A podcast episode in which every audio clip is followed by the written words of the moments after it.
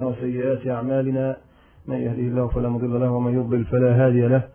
وأشهد أن لا إله إلا الله وحده لا شريك له وأشهد أن محمدا عبده ورسوله. يا أيها الذين آمنوا اتقوا الله حق تقاته ولا تموتن إلا وأنتم مسلمون. يا أيها الناس اتقوا ربكم الذي خلقكم من نفس واحدة وخلق منها زوجها وبث منهما رجالا كثيرا ونساء واتقوا الله الذي تساءلون به والأرحام. إن الله كان عليكم رقيبا. يا أيها الذين آمنوا اتقوا الله وقولوا قولا سديدا. يصلح لكم أعمالكم ويغفر لكم ذنوبكم ومن يطع الله ورسوله فقد فاز فوزا عظيما. أما بعد فإن أصدق الحديث كتاب الله وخير الهدي هدي محمد صلى الله عليه وسلم وشر الأمور محدثاتها وكل محدثة بدعة وكل بدعة ضلالة وكل ضلالة في النار. الإخوة المكرمون ها نحن أولئي مع اليوم الثالث عشر مع المشهد الثالث عشر من سورة الأنبياء. وها نحن أولئي أيضا مع اليوم التاسع عشر من شهر ربيع الثاني لسنة 1426 من الهجرة النبوية المباركة. أي نحن على مشارف الانسلاخ من سورة الأنبياء؟ وربما تكون هذه الخطبة ما قبل الأخيرة إن شاء الله. هذا المشهد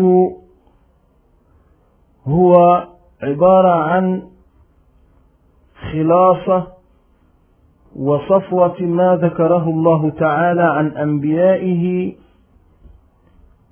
من حيث هؤلاء الذين كانوا يعاندون وهؤلاء الذين كانوا يسفهون على أنبياء الله وهؤلاء الأنبياء أيضا الذين ابتلوا والذين صبروا على الفتن وحمدوا وشكروا ربهم في السراء والضراء. بعد هذه السلسلة الطويلة يبدأ مشهد وكأن الأنبياء جميعا أمام ربهم يقول لهم في مطلع هذا المشهد إن هذه أمتكم أمة واحدة وأنا ربكم فاعبدون. وتقطعوا أمرهم بينهم كل إلينا راجعون. فمن يعمل من الصالحات وهو مؤمن فلا كفران لسعيه وإنا له كاتبون.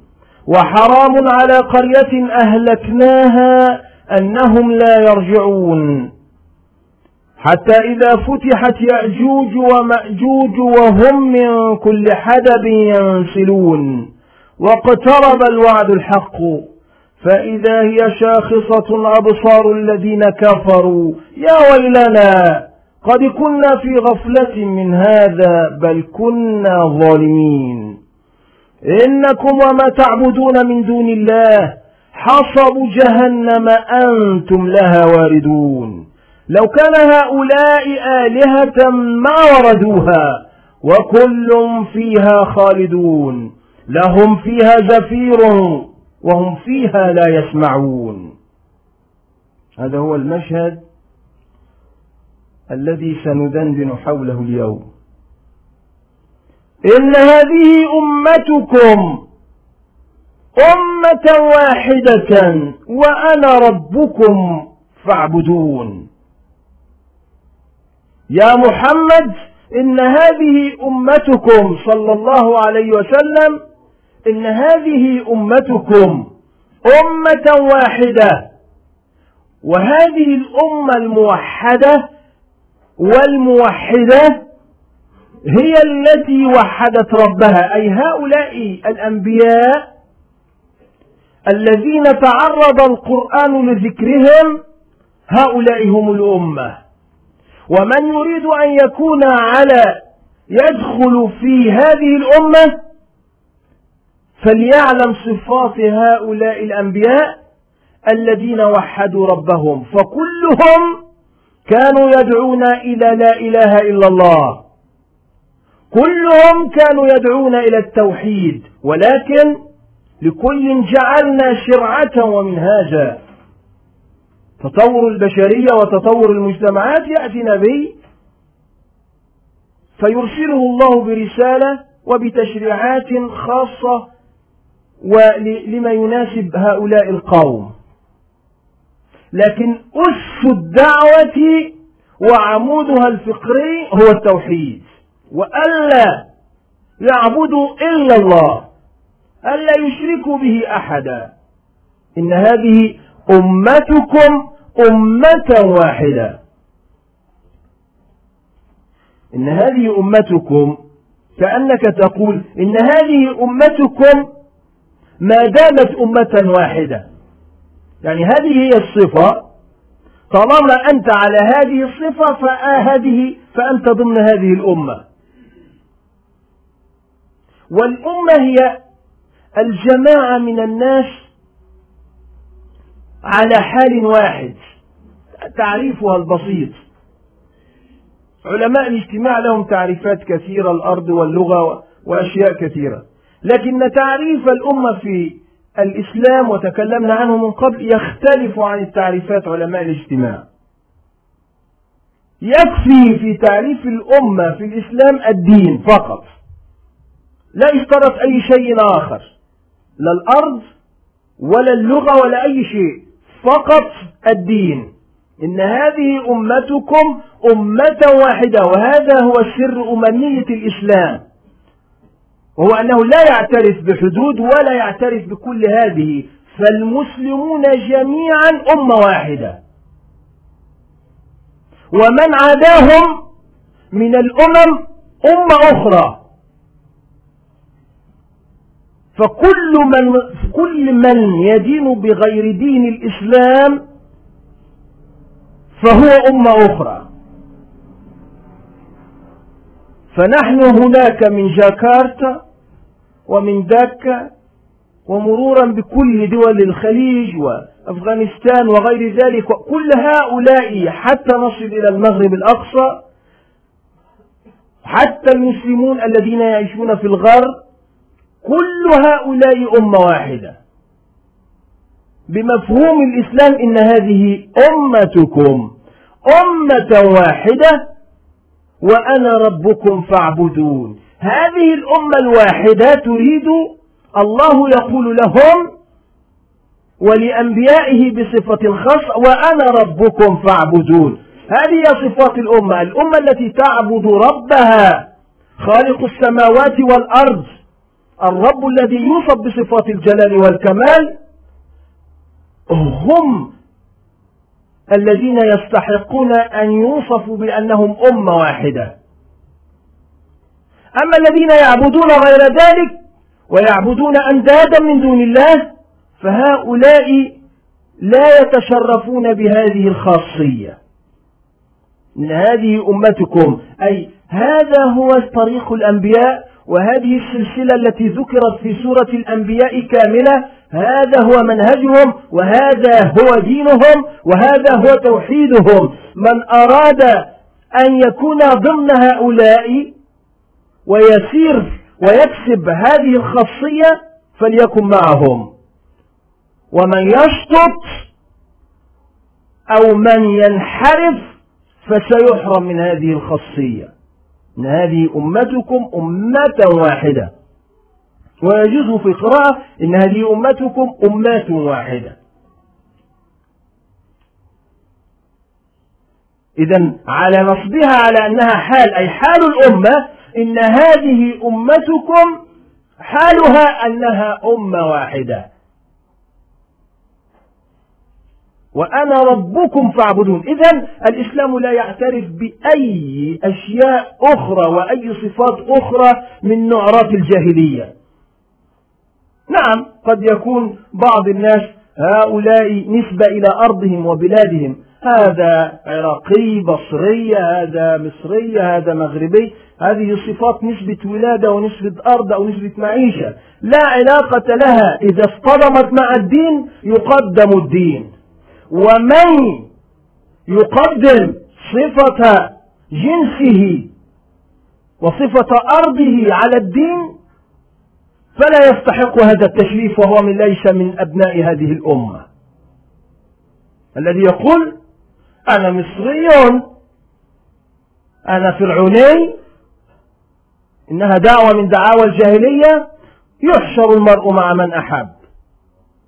إذا كنت مصريا وتعتز بمصريتك إذا الدين ليس له اعتبار في حياتك أصلا. الإسلام جاء وحطم كل هؤلاء جميعا. وإلا بماذا نفسر؟ هؤلاء الخائبون الذين يتكلمون عن المواطنة هي الأصل. كلنا أبناء وطن والناس تردد هذا كأنه دين. المواطنة الآن صارت أحلوها محل الدين في الولاء. رغم أن الله سبحانه وتعالى ميز أفنجعل المسلمين كالمجرمين نجعل المسلمين الذين يوحدون كالمجرمين الذين يحادون الله ويحادون أنبياءه. أفنجعل المسلمين تجعلونهم سواء هذا لا يعترف به الإسلام ولا يعترف به ربنا سبحانه وتعالى ولذلك هؤلاء الخائبون عندما يتكلمون ألا يعلمون أن رسول الله صلى الله عليه وسلم عندما كان يقاتل في غزوة بدر أو أحد أو كل الغزوات هل كان يقاتل أناسا؟ من تايوان مثلا أو كان يقاتل أناسا من جنس من آخر من كوكب آخر.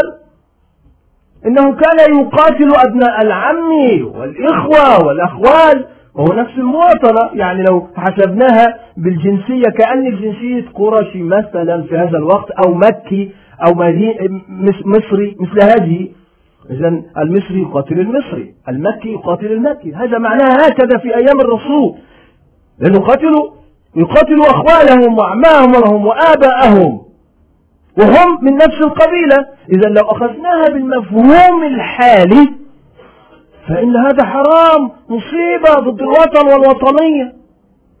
إذا الرسول كان هؤلاء الذين المشكلة في هذه العمائم التي ترسخ وتكرس مثل هذه المفاهيم هي في نفس الوقت التي تدرس للناس سيرة الرسول صلى الله عليه وسلم في غزواته ويفتخرون ويتكلمون. كأنهم عندما يتكلمون عن أبي لهب أو بجهل كأنهم يتكلمون عن أبي لهب هذا كأنه تيمور لانك أو أنه جنكيز خان أو كان كأن هذا الرجل جاء مثلا من بلاد أخرى أو كواكب أخرى خارج كأنه لا لم يكن له علاقة. هذا عم الرسول. وهؤلاء أبناء العمومة. وهؤلاء الأخوال هذه هذه بحكم الدين من ناحية المفهوم الولائي المكيون يقاتلون المكيين. بل إنهم يلجؤون هناك إلى مدينة أخرى. ها كأنهم يقاتلون في مدينة في وطن آخر. ويتعذرون يتحالفون مع هؤلاء الغرباء بالنسبة لهم. يتحالفون معهم ضد من؟ ضد أبناء أمومتهم وأهاليهم وإخوانهم. بسبب أي تحالف هذا تحالف الدين والنصرة. وإلا لما انتشر الإسلام أصلا لو كان بهذه المفاهيم العصبية. لكن الناس أرادوا أن يحلوا هذه الولاءات يجدوا لنا مفاهيم جديدة بحيث الإنسان دائما يتعصب لأرضه. أنا عراقي والعراق للعراقيين فلسطين للفلسطينيين المغرب للمغربيين كل هؤلاء كل إذا لا يسعى بذمتهم أدناهم وهم يدون على من سواهم. هذا في حق من؟ حق المسلمين. أي مسلم من كشمير من أفغانستان عربي عجمي كلهم أمة واحدة هكما في الصحيح وتتكافأ دماؤهم. كلهم ليس عندنا درجة درجة الدماء هذا له حصانة وابن الأكرمين والآخر آه، ابن الجارية وابن الخادمة وأن المجتمع طبقات. لا يوجد عندنا هذا. دماؤهم متكافئة. إذا قتل طفل استهل بمجرد الولادة قتله قاتل يقتص منه. رغم أن هذا الآن لم يفعل شيئا في حياته وربما كيف نقتل واحد كبير نقتص منه؟ لأنه قتل طفلا آه، آه، يصرخ فقط عبارة عن بيصرخ فيه النفس. كيف نقتص هذا من هذا؟ هذا تتكافأ دماؤهم وهم يد على من سواهم. يسعى بذمتهم أدناهم. لو أن فقيرا أجار رجلا أو أجار ناسا أو فعل شيئا فإنهم يوفون ولا يغفرون ذمته. يوفون ذمته ولا يغفرونها رغم أنه فقير بقول هذا رجل فقير لا قيمة له وليس من أعيان الناس ولا من من سادتهم ولا من ثرواتهم رغم ذلك تتكافأ دماؤهم ويسعى بذمتهم أدناهم وهم يد هذه هي الوحدة. وهم يد على من سواهم. هل نحن كمسلمين الآن ينطبق علينا حتى هذه الشروط؟ هل نحن يد على من سوانا أم نحن اليد التي تضرب وتبطش نضرب بعضنا البعض؟ نحن الذين نمزق, نمزق جسد الأمة بأنفسنا. نحن حربة المجرمين. نحن حربة الكافرين. الذين يغزون بلادنا ويدمروننا ويشتتوننا ويدنسون قرآننا ومصاحفنا وينتهكون أعراض نسائنا وأبنائنا وأطفالنا. نحن الذين سهلنا لهم ذلك. بل نحن الذين فتحنا لهم ذلك. نحن الذين سلمنا لهم بلادنا وأعراضنا ونساءنا. لأن هؤلاء الذين سلموا لا يستحقون شرف هذه خاصية خاصية هذه الأمة. إن هذه أمتكم أمة واحدة وأنا ربكم فاعبدون. إذا الأمر الآن خلق الله الناس حنفاء كلهم ولدوا حنفاء موحدين. فجاءت الشياطين فاجتالتهم غيرت وتقطعوا أمرهم بينهم. فتقطعوا أمرهم بينهم كل إلينا راجعون. إذا الأنبياء صاروا يدعون إلى التوحيد والأمر ظل هكذا إلى أن تقطعوا أمرهم بينهم. أي أتباع الأنبياء. ماذا حدث؟ كل نبي يأتي يختلف عليه بعد ذلك الأصحاب نتيجة الفتن. انظر تقطعوا كأن كل شخص منهم تقطعوا أمرهم أي دينهم. تقطعوا الدين. كأن الدين هذا صار قطعة كل واحد يأخذها ويقتطعها لنفسه ويتعصب لهذه القطعة. فمنهم من ينحرف ومنهم من يضل ويكفر ومنهم من يؤمن. فقطعوا أمرهم بينهم كل إلينا راجعون. إذا سبب ذلك الأنبياء كانوا أمة واحدة وأي نبي يأتي يأتي إلى هذه الأمة الواحدة ولكن هؤلاء الأتباع تقطعوا دينهم قطع قطع قطع فجزأوها فلم تعد أمة واحدة. إذا الأمة الواحدة هي التي لم تقطع.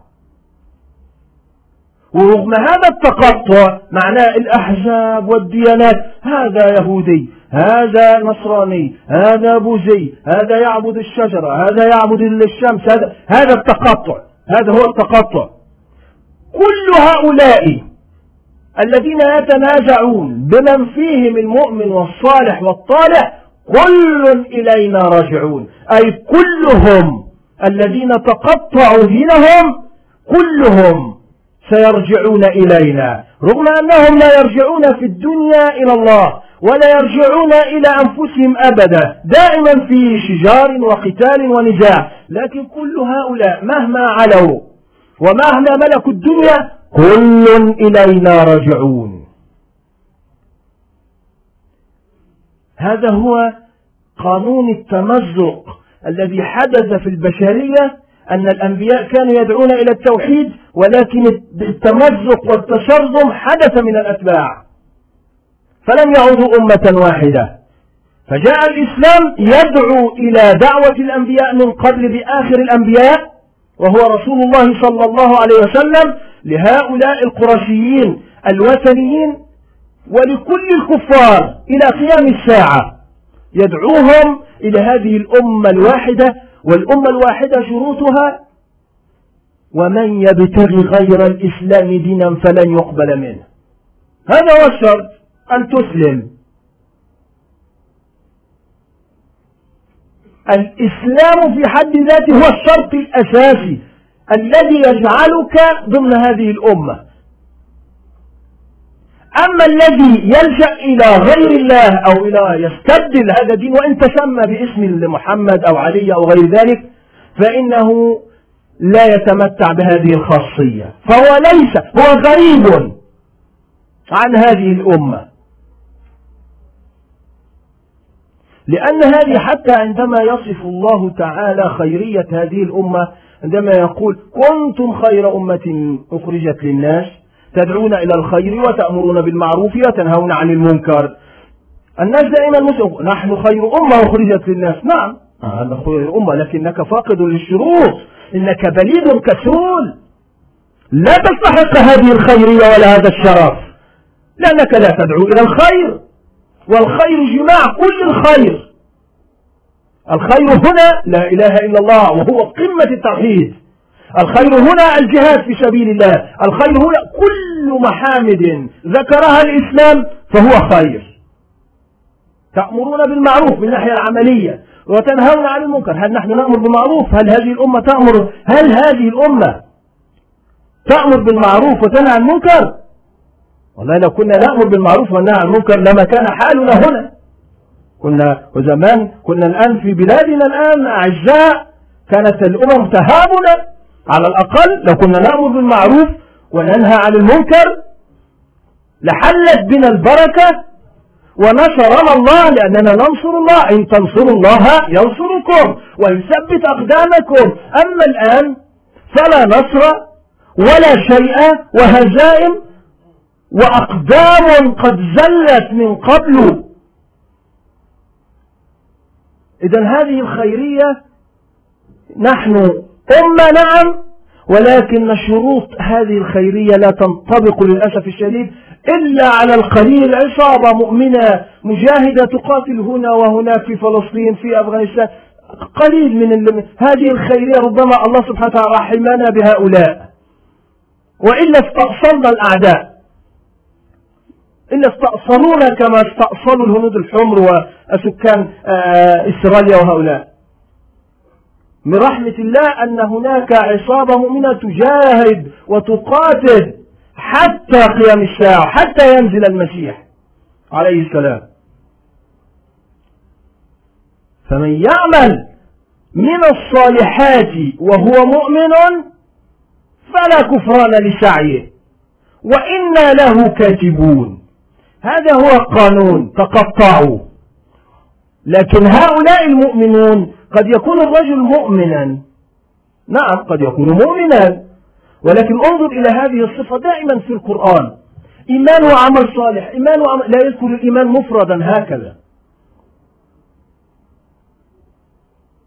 فمن يعمل صالحا فمن يعمل الصالحات وهو مؤمن فلا كفران لسعيه. فمن يعمل من الصالحات ومن رحمة الله أنه قال من الصالحات وإلا لو قال فمن يعمل الصالحات لكانت استحالة لأن من منا الذي يستطيع ويطيق أن يعمل بالصالحات معناها كل الصالحات؟ كانت هذه مشقة ولكن الله انظر من الصالحات. رحمة الله تعالى حتى في من الصالحات. ولو قال الصالحات كانت المسألة ستكون شاقة على البشرية كلها. ولا يكلف الله نفسا إلا وسعها. وهو مؤمن. انظر. وهو مؤمن. لم يقل لا يكلف الله نفسا. لم يقل فيعمل الصالحات وذكر وانتهى. يعمل الصالحات مفهوم إنه مؤمن. ولكن هنا يشتد وهو مؤمن. أي يعمل الصالحات حال إن هذا صلاح. وإصلاح للبشريه وإصلاح في الأعمال وهو حاله هو مؤمن. أي أنه إذا كان الإنسان مؤمنا ولا يعمل صالحا فإنه إنسان نائم بليد كسول. كيف يوفقه الله؟ آه أنا مؤمن. يعني مؤمن معنى أنه يؤمن بالله وخلاص لا يعمل صالحا. عاطل عن العمل. تخيل؟ الإيمان فقط عبارة عن في قلبه أو عبارة عن فكرة نظرية ولكنه لا يطبقه هو عاطل. معطل هذا الإيمان من خلال العمل لا يعمل صالحا. إذا لا بد الذي لا يعمل صالحا في حياته والعمل الصالح يتصدق يصلي يجاهد يأمر معروف يعني كلمة كلمة كبيرة. يقع فيها كل ما تتخيلونها من الخير والصلاح. ولكن وهو مؤمن لأنه قد يحدث أحيانا أن نرى بعض الكفار يعملون أعمالا صالحة في النظر العام. يعطفون على الفقير وأحيانا يتصدق يعمل جمعيات خيرية يدافعون عن السجناء هذا الصلاح الظاهري هو صلاح بدون إيمان. كما قاله كما قال شهيد الإسلام سيد قطب رحمه الله عندما قال هذا هذا صلاح عارض. كأنه صادف ذلك هوى معين أو طريقة معينة لا علاقة له بالتوفيق الإيماني. أنت تعمل صالحا لأنك مرتبط بمنهج وبدين وبإيمان وبوحي. هذا هو الذي يحركك. أما الذي يحركك أحيانا عاطفتك آه، ترق لهذا كما كان القرشيون يفعلون. أليس كان لم يؤسسوا حلف الفضول ونصرة المظلوم. لكن هذه الأشياء والمحامد هذه اسمها محامد أو عمل صالح عارض. لا ثواب للإنسان عليه في هذه الحال لأنه لم ينطلق من منهج ووحي أساسي مرتبط به. هذا هو هذا هو سر أن العبد المسلم الناس هذا يقاتل ليقال شجاع وهذا ينفق ليقال جواد خلاص يأتي يوم القيامة لأنه لم ينطلق من الإيمان بالمنهج من دين بواحي الله يوفي حقه في الدنيا لا يحرمه حتى لو كان كافرا. ها كان بطل الأبطال. هذا رجل آه، آه، يدافع عن حقوق الإنسان. ها وقد قيل أخذ حقه من الثناء. وأخذ حقه من هذا. لكن في في الآخرة الحساب على التوحيد. الحساب أن هذا العبد ظلم نفسه بكفره بربه هذه قضية أخرى في أحيانا الكفار لأن بعض الناس واحد يقول في أحد يناقش في أحد البرامج يقول له يقول لآخر عن اليابانيين يعني قضية انظر الخلل عند المسلمين وصل إلى ماذا؟ قال اليابانيون حتى اليابانيون هؤلاء كفار. يا أخي هذا هؤلاء ناس آه، آه، جمال وينسقوا الزهور وشعب مؤدب جدا. هؤلاء يدخلوا النار. يعني هو يقول لك يدخلوا النار. وهذا اسمه محمد علي اسمه الذي يتكلم هذا كان اسمه علي. يقول هل هل يدخلوا النار؟ اليابانيون هؤلاء الجمال الطيبين وكلها باللهجه بلهجتهم. هل هؤلاء الطيبين؟ هؤلاء يدخلوا النار. هو استحاء لا يصدق يدخلوا النار ولا يعني الميزان ميزان دخول النار كانوا بالمزاج والهوى. آه حرام هذه امرأة مسكينة وهذا رجل واليابانيين ناس طيبين وحلوين. هو لا يعرف حتى لو أخذناها بال بال بقانون الدنيا. هؤلاء اليابانيين احتلوا الصين الكبيرة هذه دمروها وفتكوا بأهلها. هؤلاء اليابانيون. احتلوا منشوريا احتلوا كانوا فظاع. أخذتهم هذه القنابل الجبارة المجرمة من أمريكا في هيروشيما وناجازاكي. لكن كانوا وحوشا في القتال. وفتكوا بالبشرية في كل منطقة الصين وغيرها والثارات التي بينهم وبين الصين. احتلوا الصين كان هم احتلوا الصين. فهؤلاء الناس هذا يعني ليسوا ليسوا بالجمال الطيبين الذين ينسقوا الزهور كما تتوهمون. هؤلاء كانوا آه يعني مقاتلين يقاتلوا عن عقيدتهم وعن عن عن المبادئ الشركية. ولكن حتى ولو كان هذا حتى هؤلاء أصحاب الصوامع المتفرغين للصوامع ألم يقل عنهم ربنا عاملة ناصبة تصلى نارا حامية. أن يقول عنهم عمر رضي الله عنه تركوهم رغم أنهم قال لهم اتركوهم اتركوا عباد الصوان هؤلاء. لأنهم يفعلون شيء لكن هم يحسبون أنهم يحسنون صنعا. لكن إذا مات مات كافرا. يدخل النار. لأنه لأنه لم يمت على التوحيد السليم. أما أنه يعمل صالحات وبركة ويفتح شرتي وأشياء وأشياء خيرية هذه فقط وقد قيل حتى رب لا يحرمه وما يظلم ربك أحدا. لا يحرمه الثناء في الدنيا والناس تثني عليه. لكن في الآخرة الحساب الأساسي على التوحيد. ومن يبتغي غير الإسلام دينا فلن يقبل منه. إذا هذا هو. وهو في الآخرة من الخاسرين. إذا أي مسلم يعتقد أن أي كافر يموت ويترحم عليه بمعنى أنه سيفوز في الآخرة فهو يعاند هذه الآية وهو لأن الله سبحانه وتعالى يقول وهو في الآخرة من الخاسرين. رحمة الله عليه ونسأل الله يرحمه يرحمه فين يرحمه في جهنم يعني؟ يرحمه في يعني نريد أن نعلم. هذا نوع من النفاق. عند بعض الفقهاء والذين يسيرون في هذه الجلبة وهذا الرجل الذي أحسن إلى بني ملته وكان يزور بلادنا كثيرا. يزورها فين يعني؟ بمسلم المسلمين؟ أم ماذا؟ يخرجهم من الإسلام؟ لماذا أتى إلى بلادنا أنهم يعطوهم بعض الأموال ويفتحوا بعض الأشياء لكي ماذا يفعلوا؟ ينصروا المسلمين.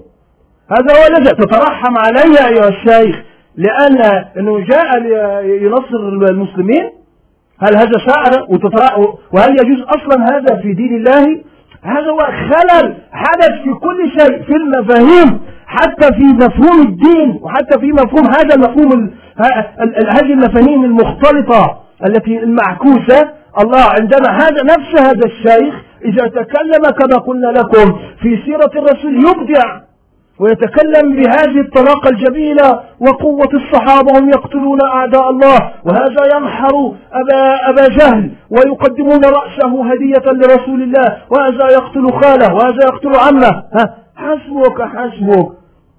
أليس هؤلاء مكيون مكيين؟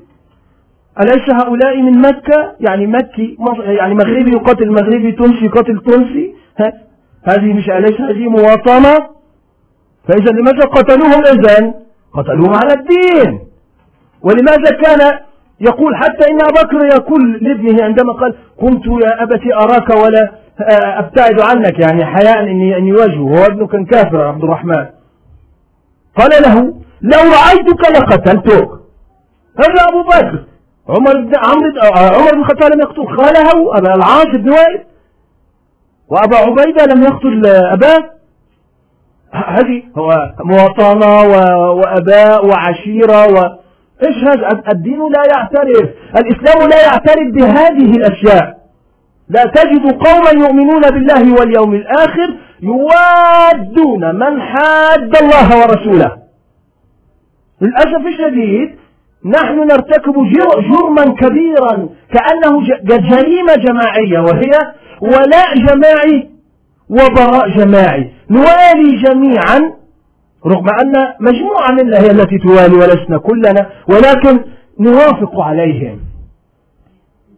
نوالي أعداء الله ونتحبب ونتودد إليهم ونتبرأ من أولياء الله ومن أنصار الله ومن المسلمين ولدرجة أنك تخشى أن تذكرهم بنصرة وبدعاء حتى علانية.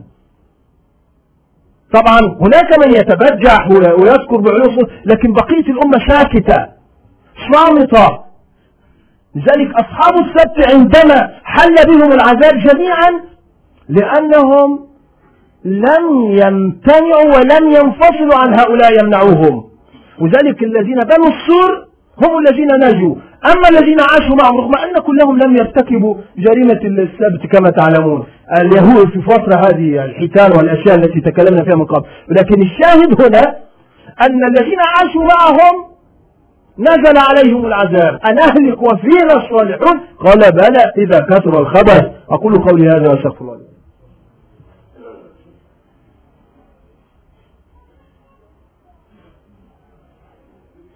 إن الحمد لله نحمده ونستعينه ونستغفره نثنى عليه الخير كله نشكر ونكفر ونخلع ونترك من ينفره اللهم إياك نعبد ولك نصلي ونسجد لك نسعى ونحفظ نرجو رحمتك ونخشى عذابك. إن عذابك الجد بالكفر ملحق وأشهد أن لا إله إلا الله وحده لا شريك له وأشهد أن محمدا عبده ورسوله. وبعد. فمن يعمل من الصالحات وهو مؤمن فلا كفران لسعيه. لا كفران لسعيه أن الله سبحانه وتعالى لا يجحد عمله.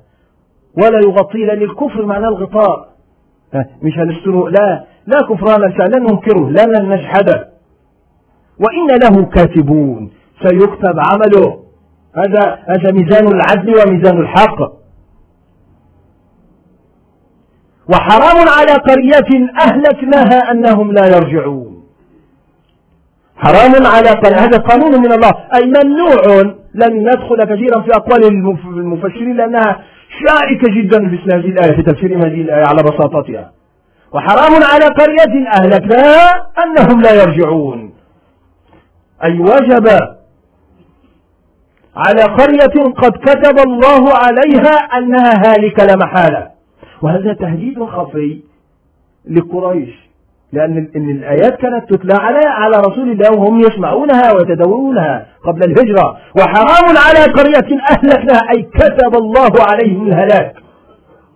أنهم لا يرجعون. لا يرجعون. لا يرجعون إلى التوبة. أو خلاص انتهى العذاب حل بهم. إذا تابوا لن يقبل منهم. لأن الله كتب أن يهلكوا أصلا. لا يرجعون. انتهى. أمامكم فرصة حتى يأتي العذاب. وعندما أراد فرعون أراد أن يؤمن قال الآن آمنت بالذي آمن به بنو إسرائيل. الآن وقد عصيت. رغم أنها بالمعنى توبة هو يردد الآن وهو في الغرق. الآن انتهى الأمر. أنهم لا يرجعون. ثم يأتي قفزة مستقبلية رغم أن الإسلام لم لم ينتشر بهذا الانتشار. الرسول كان محاصرا في هذا الوقت. قفزة في آخر الزمان. وهي علامة من كبرى من علامات الساعة. انظر حتى إذا فتحت يأجوج ومأجوج وهم من كل حدب ينسلون حرام على قرية أهلكناها. حتى إذا فتحت يأجوج ومأجوج وهم من كل حدب ينسلون. مع العلاقة هذا بذاك هذه قفزة أن الفساد سيكون سيصل إلى أمر وه ليس هؤلاء القرشيون الذين يظنون أنهم في هذا لا الفساد سيرتقي في البشرية فيما بعد في آخر الزمان إلى قوم اسمهم يأجوج ومأجوج. حتى إذا فتحت يأجوج ومأجوج وهم من كل حدب ينسلون واقترب الوعد الحق فإذا هي شاخصة أبصار الذين كفروا. يا ويلنا قد كنا في غفلة من هذا بل كنا ظالمين. هذا تحذير لكل ليس للجيل الذي كان يعيش في أيام الرسول بل لكل البشرية لتحذر هذه العلامة الكبرى التي ستحدث.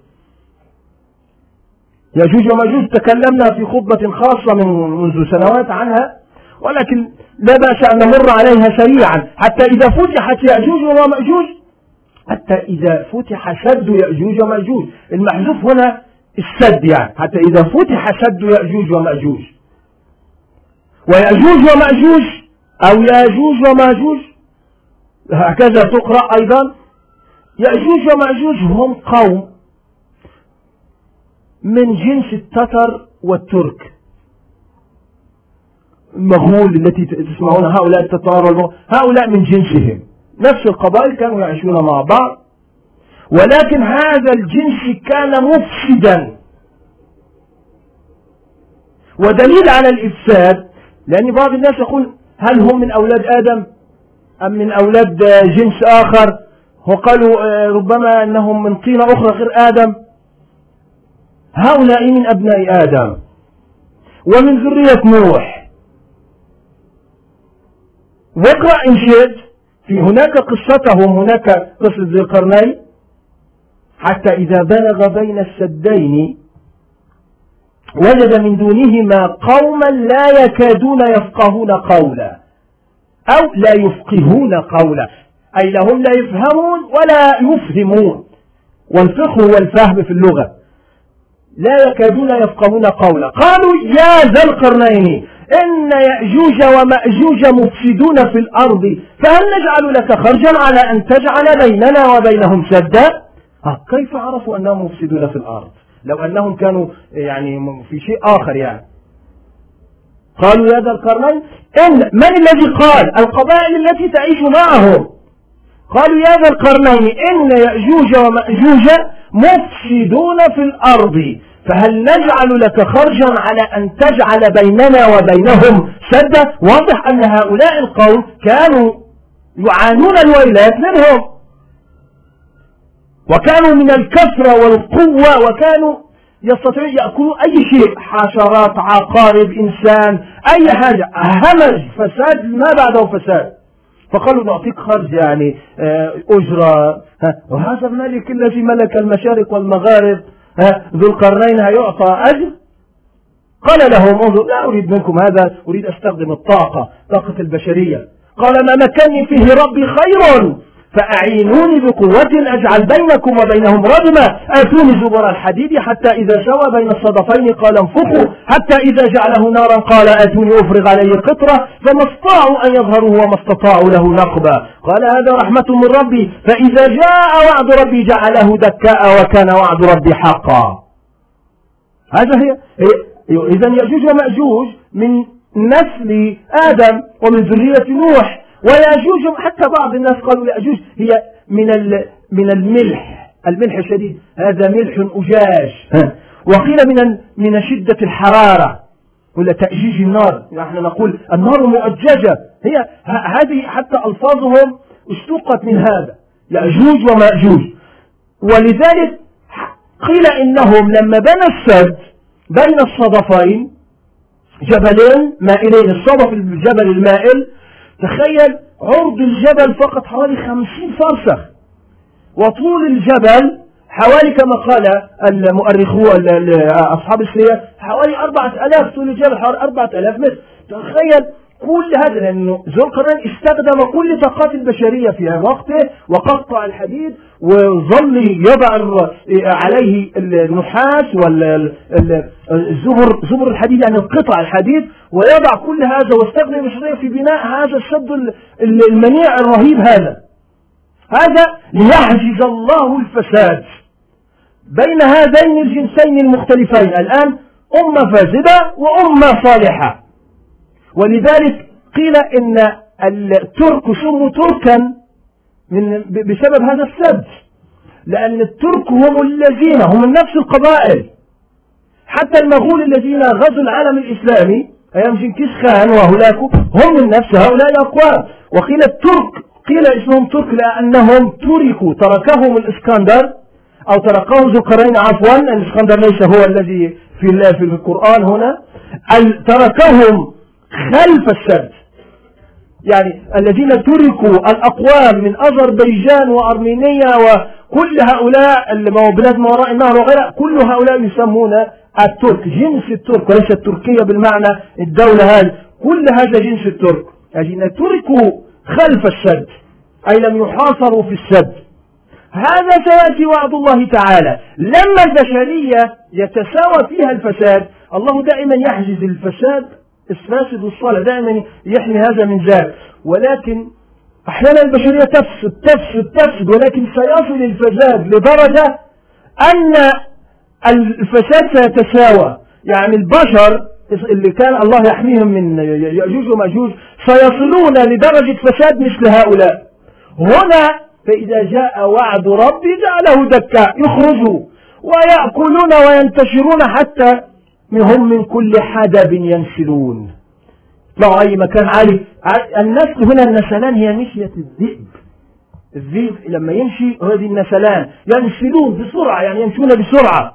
هؤلاء يشربون نهر دجلة نهر دجلة بالكامل كل أنهار الدنيا التي يمرون عليها كان هنا ماء حتى إنهم يقولون كان هنا ماء. ويأتون على بحيرة طبرية ويشربونها والمسيح في ذلك الوقت يكون متحصنا هناك. يقول الله يوحي له تحرز حرز أو حوز بعبادي في جبل الطور. لا لا يدان لأحد أن يقاتل هؤلاء. يعني ربنا جعل لا أحدث في حتى أنت أيها المسيح.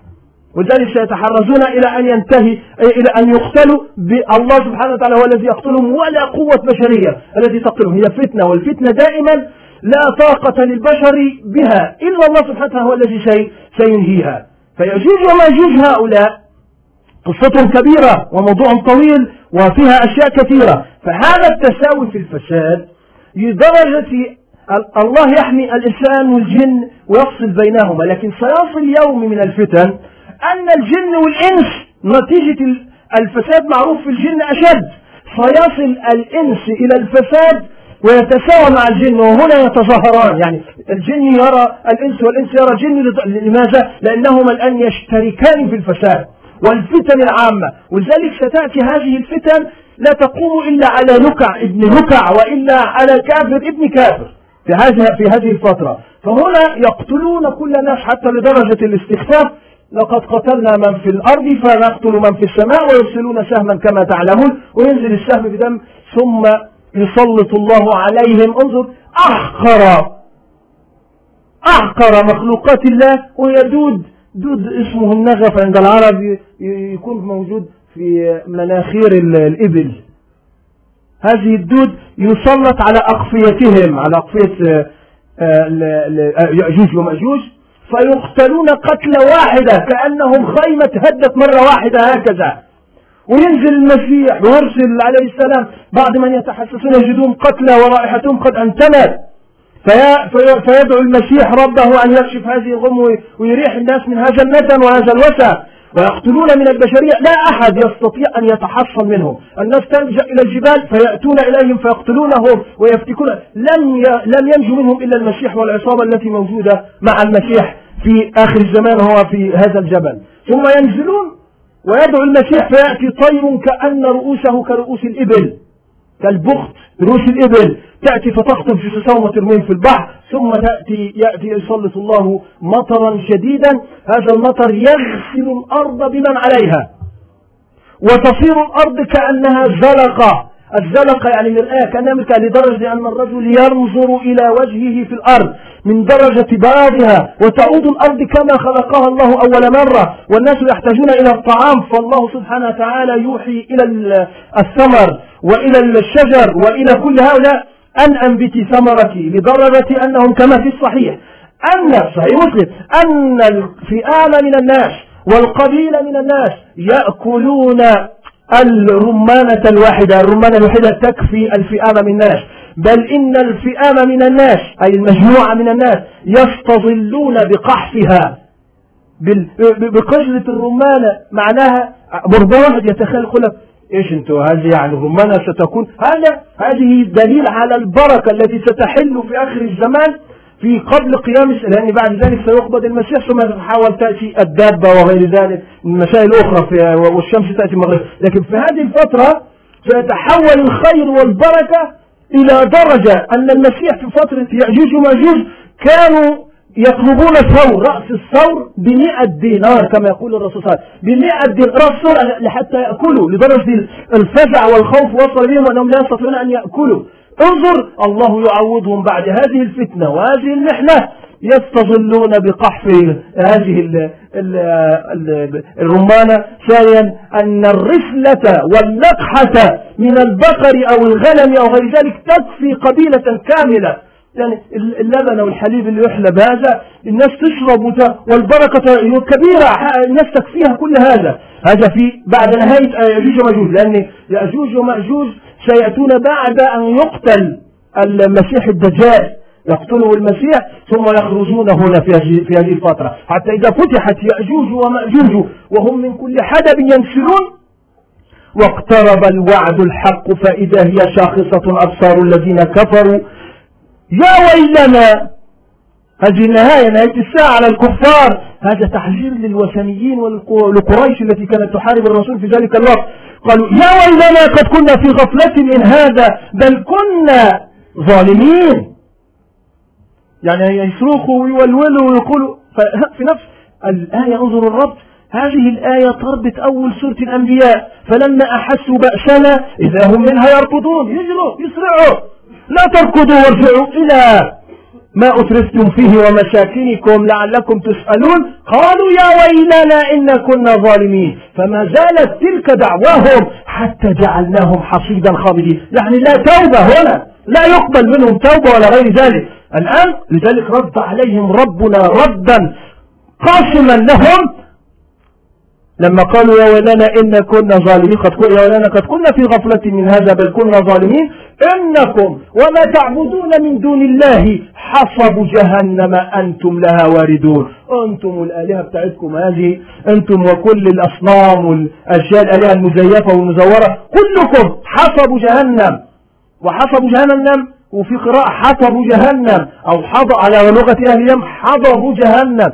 الحصب ما يحصب به كأنها حجارة تحصب تخيل جهنم تحصب بإيه؟ بالبشر كأنك بترميها بال... بهؤلاء البشر وبهذه الآلهة المغارة الأصنام والأشياء. حصب جهنم أنتم لها واردون. ولذلك نختم في هذا عندما أرادت قريش أن تحارب لم تحارب قريش رسول الله صلى الله عليه وسلم بالسنان فقط وبالأسلحة فقط بل بالشبهات. انظر كما قال أصحاب السير قالوا إن إن ابن آه، قريش جاء الرسول كان يجادلهم. قال لهم نزلت على هذه الآية فاجتمع بهم فقال لهم إنكم وما تعبدون من دون الله حصب جهنم أنتم لها واردون. لو كان هؤلاء آلهة ما وردوها وكلهم فيها خالدون. فلم يستطيعوا وكان بينهم النضر بن الحارث وكان من دهاتهم ومن عقلائهم. كان خبيث ده رهيب داهية ورغم ذلك لم يستطع أن يجادل الرسول صلى الله عليه وسلم ورد عليه. فلما ذهب أصابت قريش الغم. كانوا في غم شديد. جاءهم عبد الله بن الزبيعرة وكان وقت ذلك كان كافرا شيطانا من شياطين قريش. لكن رضي الله عنه بعد ذلك هو صار صحابي كبير.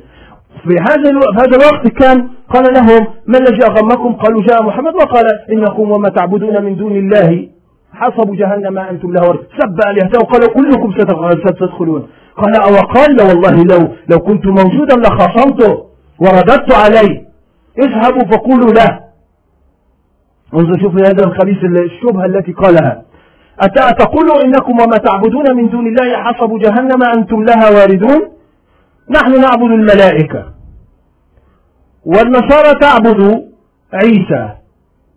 واليهود يعبدون عزيرا. فأنت تقول إنكم وما تعبدون؟ هل سيدخلون الجهنم كلهم؟ ففرحت قريش وهللوا.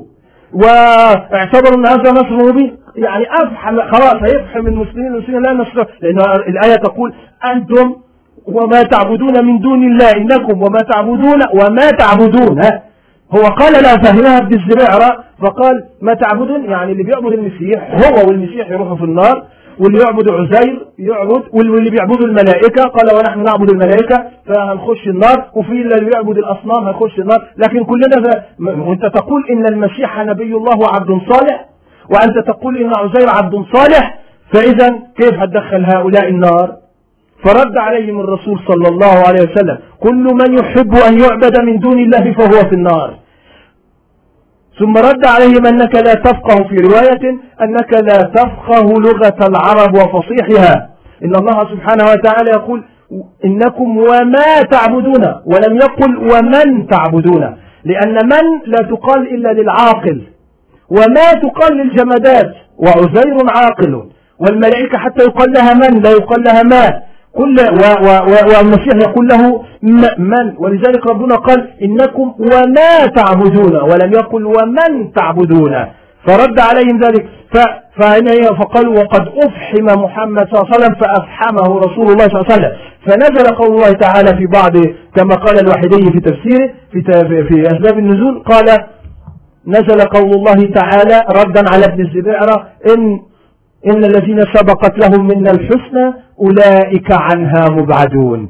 يعني هؤلاء الذين سبقت المسيح وعزير وكل الملائكة كل هؤلاء هؤلاء مبعدون ولا يجوز أن يقال هذا لهم. ولكن الشاهد في هذه المسألة أن الرسول كان يدافع شبهات وحرب ودماء ومطاردة وكل ذلك يرد عليهم كما يفعل بنا الآن. أيها المسلمون استمسكوا بدينكم ونكتفي بهذا المقدار ونرفع أكف الضراء لعل الله العظيم رب العرش العظيم أن ينصر الإسلام ويعز المسلمين. اللهم إنا عبيدك وابناء أمائك ناصينا بيدك ماض فينا حكمك عبد فينا قضاء نسألك بكل اسم هو لك أنزل توفيق ذلك أو على واحد من خلقك أو سأصبت به في علم الغيب عندك أن تجعل القرآن العظيم ربيع قلوبنا. وجلاء همنا وذهاب غمنا وحزننا ذكرنا منه ما نسينا وارزقنا حسن تلاوته آناء الليل وأطراف النهار لعلك ترضى.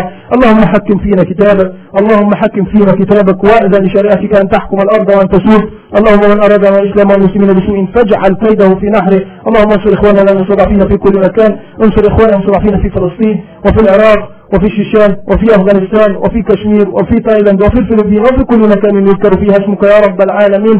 اللهم فك أسر إخواننا المأسورين فك أسرهم وتولى أمرهم وأحسن خلاصهم وردهم إلى أهلهم وديارهم ربا جميلا طيبا يا رب العالمين. اللهم لا تشمت بنا ولا اللهم لا تشمت بنا الأعداء. اللهم لا تسلط علينا بذنوبنا من لا يخافك ولا يرحمنا يا رب العالمين. اللهم آمين اللهم آمين وأقم الصلاة.